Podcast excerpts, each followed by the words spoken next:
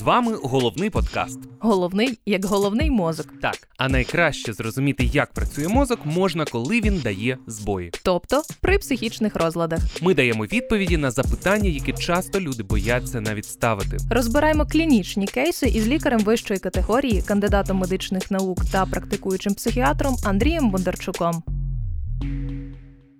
Білі кросівки, як у подружок, Тік-Ток, черговий том улюбленого Гаррі Поттера або новий смартфон. Нічого вже не цікавить Машу. Її однокласники, 14-літні підлітки, ходять на вечірки, закохуються, дехто навіть уже знає, у який університет вступатиме. Вона ж тільки те й робить, що сидить вдома, зачинившись в чотирьох стінах своєї кімнати. Причому сама одна, навіть подругу Христю перестала кликати в гості.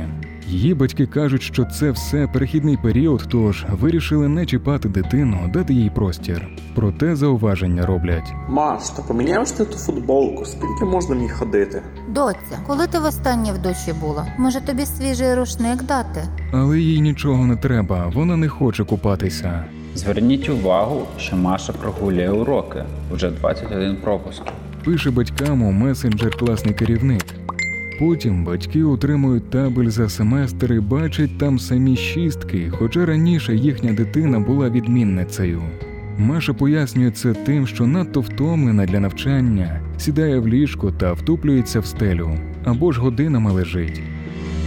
Може, це депресія? Каже тато, і мама пропонує відвести її до психотерапевта. Аж раптом вночі з сусідньої кімнати лунає спершу крик підлітка, а потім і голосна сварка. Коли батьки заходять до кімнати, то бачать дівчину роздягнутою. Вона голосно на когось лається, хоча поряд більше нікого немає. У вікно летять її шкільні підручники і зошити. Тато намагається її заспокоїти, мама пробує її обійняти, але Маша не реагує, стоїть як статуя, та з кимось веде розмову. Мало того, що в школі ви встановили спеціальну апаратуру, ще й сюди приходите. Ану геть від мене, не будете мною керувати. Батьки терміново викликають швидку допомогу. Прибулі лікарі класифікують стан як психоз та госпіталізують Машу у стаціонарне відділення психоневрологічної лікарні. Вона приймає сучасні антипсихотичні препарати, проте залишається в стані збудження ще цілий тиждень. Згодом буря минає, стан стабілізується, і за два тижні лікарі виписують її з діагнозом гострий психотичний розлад. Рекомендують приймати підтримувальне лікування та спостерігатись у лікаря-психіатра за місцем проживання. На жаль, після виписки Маша не відновлюється емоційно, зокрема, не повертається ані до своїх зацікавлень, ані до спілкування з друзями. У школі формально відповідає на запитання вчителів. Коли Христя питає, що з нею, дівчина віднікується. Все норм, відчепіться від мене. Вона часто розмовляє сама з собою, посміхаючись. Їсть лише солодке і жирне, якщо взагалі щось бере до рота. Одного вечора вона заходить на кухню, де батьки вечеряють, і каже обурено: Розсілися тут. Вдаєте, що нічого не знаєте і не бачите, що ці до мене приходять вночі. Не мої ви батьки, вас підмінили. Все це спеціально зроблено, щоб мене вижити. Щоб розібрати цей непростий кейс, ми запросили лікаря вищої категорії, кандидата медичних наук, психіатра Андрія Бондарчука. Андрію, розкажіть, будь ласка, який розлад у Маші? Схоже, що це шизофренія з безперервним перебігом. А що саме вказує на це? Шизофренія часто починається саме у молодому віці і зі стійких змін у поведінці. І ми бачимо, що активність дівчини в емоційному, в соціальному, в побутовому плані суттєво відрізняється від того, як це було раніше. Вона замикається в собі, вона втрачає характерні для неї інтереси, збіднюється емоційно за цей час. А з часом з'являються і симптоми, що характеризують її стан як психотичний, бо з'являються епізоди із збудженням, з незрозумілою поведінкою, і схоже, що дівчина марить та невідповідно реагує на реальність саме. Крім того, ми бачимо розвиток розладу у часі, який демонструє нам, що це вже не просто гострий стан, а хронічна проблема. А чому Маша почала їсти саме солодке і жирне? Чи такий симптом типовий для шизофренії? Такі симптоми не є типовими саме для шизофренії, але вони досить часто ілюструють, що людина знаходиться саме у стані стресу, у фізіологічному стані стресу. І є стани, за яких симптоми переїдання займають більш фундаментальне місце у картині основного розладу захворювання, і це розлади харчової поведінки. Ми знаємо такі, як булімія, як компульсивні переїдання, і менш тривалими вони можуть бути при багатьох тривожних та депресивних станах. Тож давайте сьогодні будемо розбиратися, чому з нами трапляються психічні розлади, як їх розпізнавати і що з цим робити. Але також поговоримо, чи можна їх уникнути.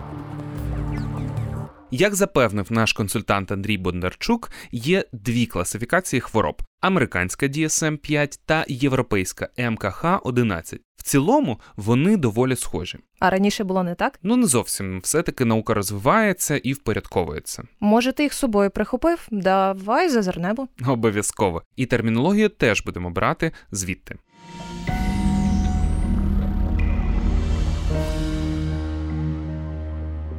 Шизофренія є важким нейропсихіатричним розладом, який зазвичай починається в молодому віці. Розлад значно впливає на психічний стан та якість життя людини. Страждають робота, стосунки, догляд за собою, що згодом може забирати багато часу. Проявляється шизофренія трьома основними групами симптомів: так званими позитивними або продуктивними, негативними або дефіцитарними та когнітивними симптомами. Давай починати з позитивного, це ж завжди на краще. Ну не зовсім в даному випадку. Позитивні симптоми це плюс симптоми, тобто набуті. До них належать маячіння та галюцинації. Тобто, коли Маша щось бачила, чула, це були галюцинації. А от коли вона вже пояснювала і говорила про це, то це виходить була маячня. Правильно, по суті, це все симптоматика психозу. І тут дивимося в довідники.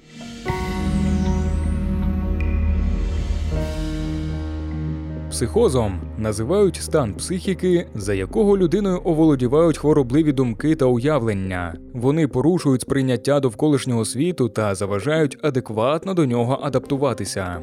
Тоді порушується тестування реальності, тобто людина все менше звіряється із зовнішніми реальними сигналами середовища. Її поведінка більше ґрунтується на хворобливих переживаннях.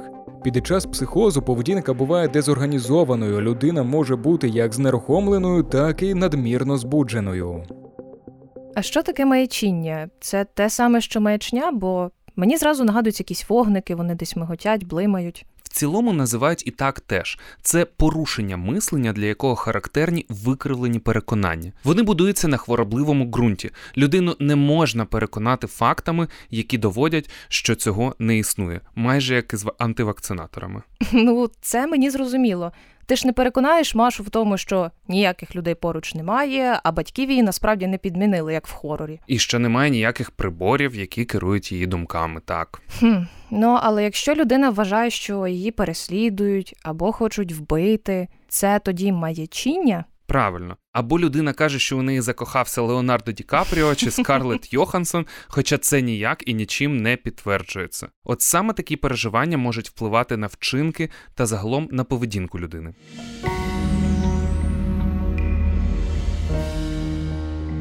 Галюцинації це сприйняття та уявлення, які виникають без впливу реальних подразників на органи відчуттів. Частіше вони бувають слуховими, особливо при шизофренії. Тобто так звані голоси також бувають зоровими. Нюхові галюцинації зустрічаються найрідше. Коли я лягаю спати, заплющую очі, мені ж теж видніються різні картинки. Там рахую слоненят, овечок, ну іноді можна якихось собачок. Але ну мені тоді теж потрібно до психіатра. Та ні, такі галюцинації вважаються нормою. Вони називаються гіпнагогічними, якщо спостерігаються при засинанні. Гіпнагогічні. Угу, запам'ятала. Але таке буває і при прокиданні. Знаєш, лежиш такий в ліжечку, дрімаєш, тут на тебе стрибає Озі, це мій бігель, і тобі здається, що це якийсь сніжний барс чи якесь чудовисько. То це гіпнопомпічні галюцинації. Окей, з цим зрозуміло. А що ти знаєш про ризики? Що може тоді пришвидшити процеси і спровокувати перший психоз? Насправді багато що: стрес, вживання наркотиків, наприклад, канабіоїдів та їх синтетичні сполучення, все це може значно підвищити ризик психозу. Та ну ти серйозно? А мені казали, що коріння марихуани безпечне. Ну, давай дивитися статистику. Серед тих, хто вживає марихуану щодня, у порівнянні з тими, хто ніколи її не вживав, ризик зростає утричі. А якщо в ній вміст тетрагідроканабінолу понад 10%, то ризик зростає у цілих 5 разів.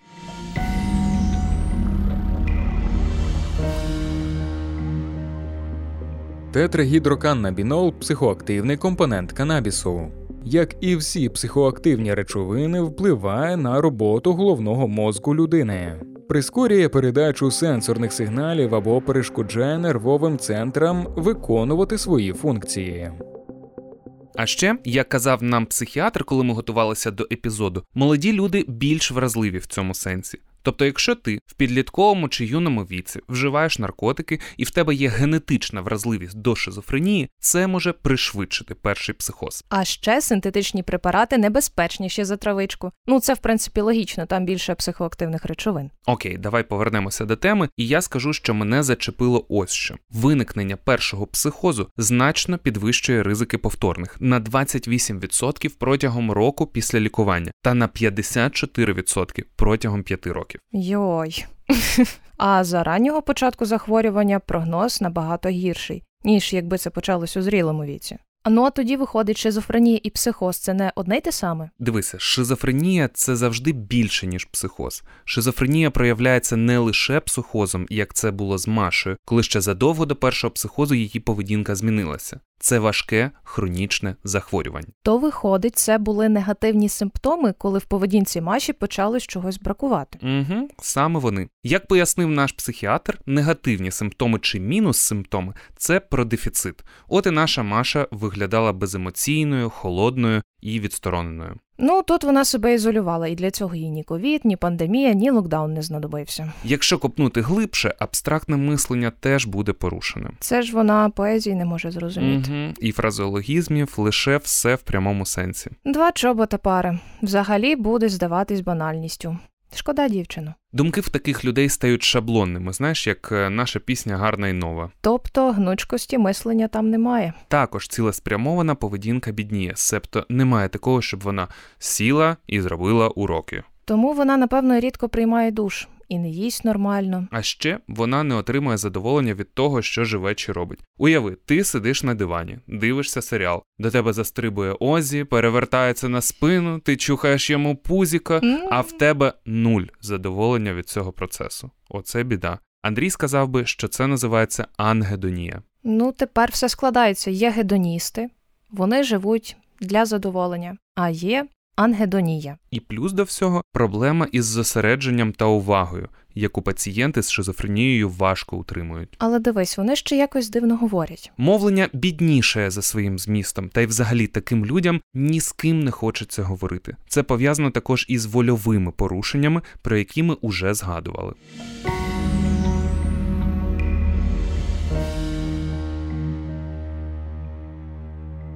Рома, що відомо про причини шизофренії? Чому це трапляється з людьми? Дивися, нейронаука, хоча й розвивається динамічно, механізми таких розладів, як шизофренія, не встановлено остаточно. Ну що ж, має бути відомо. Ну, щось відомо. Наприклад, От ми говорили про негативні симптоми. Вони показують велику кількість порушень. Якщо поглянути на наявні дослідження, то йдеться про участь у процесі різних нейромедіаторних систем. тобто всі процеси відбуваються в голові і в мозку, як я розумію. А що про нейромедіатори кажуть класифікації хвороб і підручники?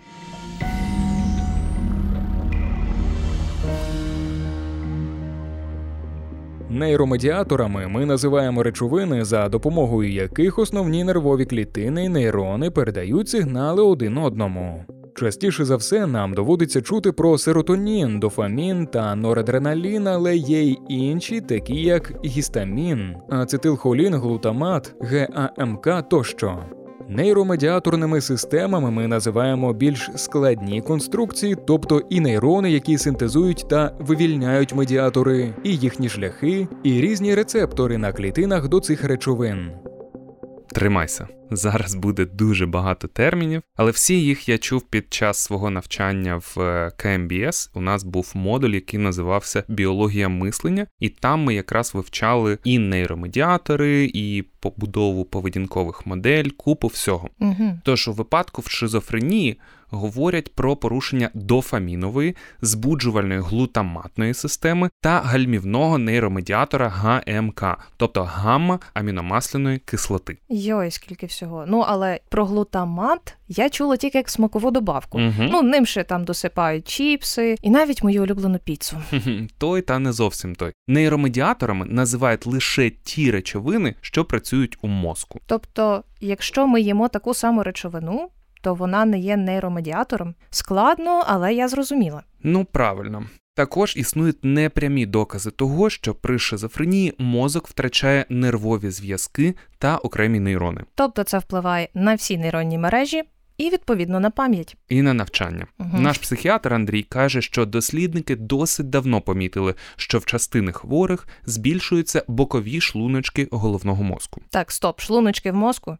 Ну, це порожнини в головному мозку, заповнені спинномозковою рідиною. Їх можна уявити як великі цистерни каналізації мозку, бо вони виконують функцію виведення з мозку продуктів його роботи. А, ну тоді вони просто вимивають весь непотріб з голови. Так, бокові шлуночки можуть збільшуватись у відповідь на втрату нервових клітин, відростків та синапсів. Це така компенсація. А, чекай, я.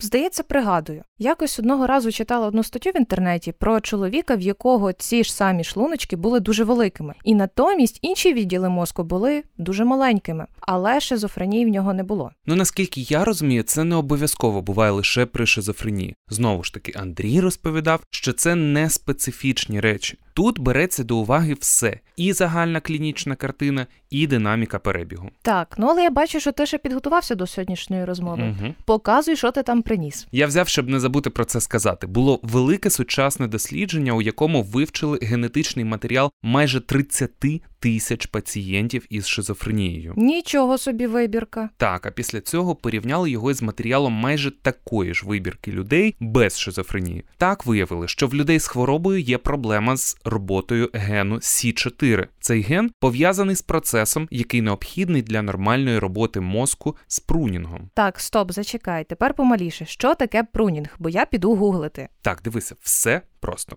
Нейрони, щоб обмінюватися імпульсами, контактують через зв'язки. Вони називаються синапси. Угу. Щоб фіксувати та використовувати нову інформацію, нашому мозку необхідно мати вільне місце. Ну це як не знаю, коли в тебе заповнилася на айфоні пам'ять і треба повидаляти старі фотки. Тому протягом усього життя серед нейронів з'являються та видаляються зв'язки. Ну, це так само, як я чищу кеш на своєму компі, коли Мгм. мені треба щось підмонтувати. Ну, тут окей. Так, але тут все відбувається автоматично. Прийшла нова інформація, ми побудували зв'язочок, тобто запам'ятали або навчилися. Якщо вона не актуальна, помаркували ці зв'язки, а потім помарковане зруйнували. Після цього утворили нові, тобто знову запам'ятали. Тобто, виходить, прунінг це видалення непотрібних зв'язків мозку, і це є досить нормально, так само, як скидати в корзину на компі. Так, але буває, що цей процес стає занадто активним. Наприклад, Наприклад, у періоди інтенсивних змін у розвитку, наприклад, у підлітків. Саме тоді, через генетичну вразливість, прунінг стає неконтрольованим і руйнуються потрібні нейронні зв'язки. але ж гормональні зміни теж тут приходять до підлітків в гості.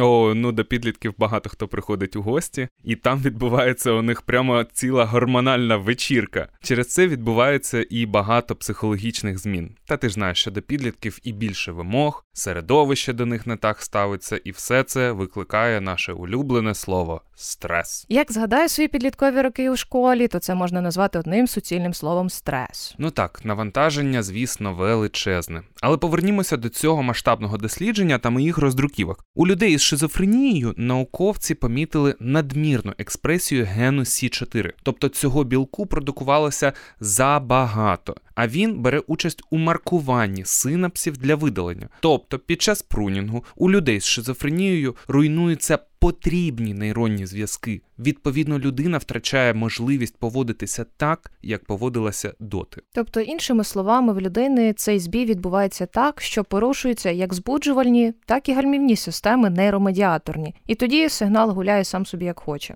Тоді ми і спостерігаємо ці симптоми шизофренії. Люди чують голоси, бачать галюцинації, як, наприклад, були у Маші.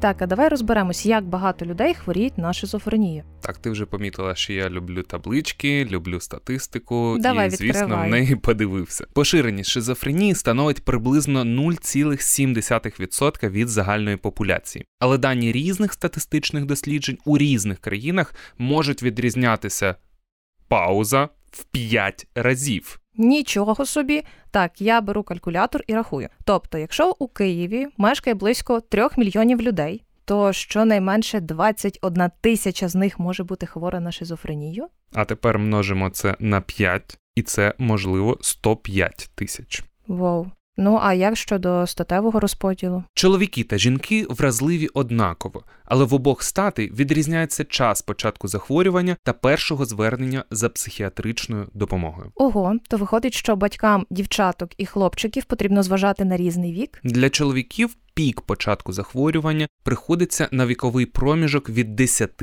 до 25 років. У жінок дещо пізніше віковий проміжок від 25 до 35 років. Я й не знала, що на шизофренії може захворіти десятирічна дитина. Ну але якщо я буду в пенсійному віці, тобто десь так після 60, то вона вже в мене не може початись. Імовірність набагато нижча, і початок шизофренії до 10 та після 60 років це досить рідкісне явище. Ну це якраз класний випадок, коли старість тобі може бути на радість.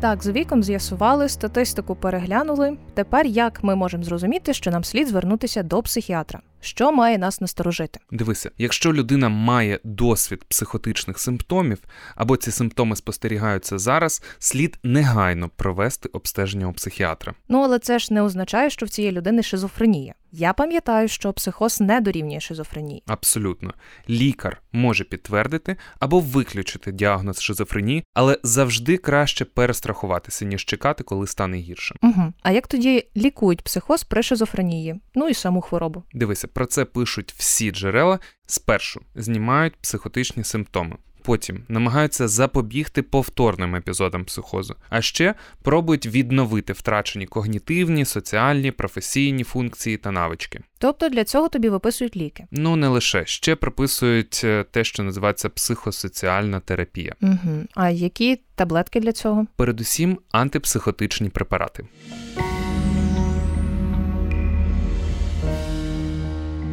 Антипсихотичні препарати або антипсихотики є основною групою препаратів для лікування шизофренії. Хоча і інші групи препаратів також можуть використовуватись для регуляції різних симптомів, таких як збудження, депресія та інших. Антипсихотики поділяються на дві основні групи: конвенційні або першого покоління та атипові або другого покоління.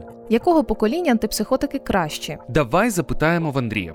Не можна сказати, що якийсь із препаратів кращий, але в наш час рекомендують розпочинати лікування з антипсихотиків другого покоління, зважаючи на їх кращу переносимість, особливо на початку лікування. З іншого боку, кожен з препаратів має свої плюси-мінуси, свою ефективність, побічні дії. Одна людина може дуже добре і тривало переносити конкретний препарат, у іншої можуть з'явитись побічні дії на нього.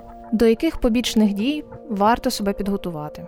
Наприклад, набір ваги через порушення обміну глюкози, надмірна сонливість або навпаки руховий неспокій. Угу. А чим тоді краще лікувати саму шизофренію? Тими ліками, які підходять цій конкретній людині, але магічної пігулки від психічних розладів, на жаль, немає.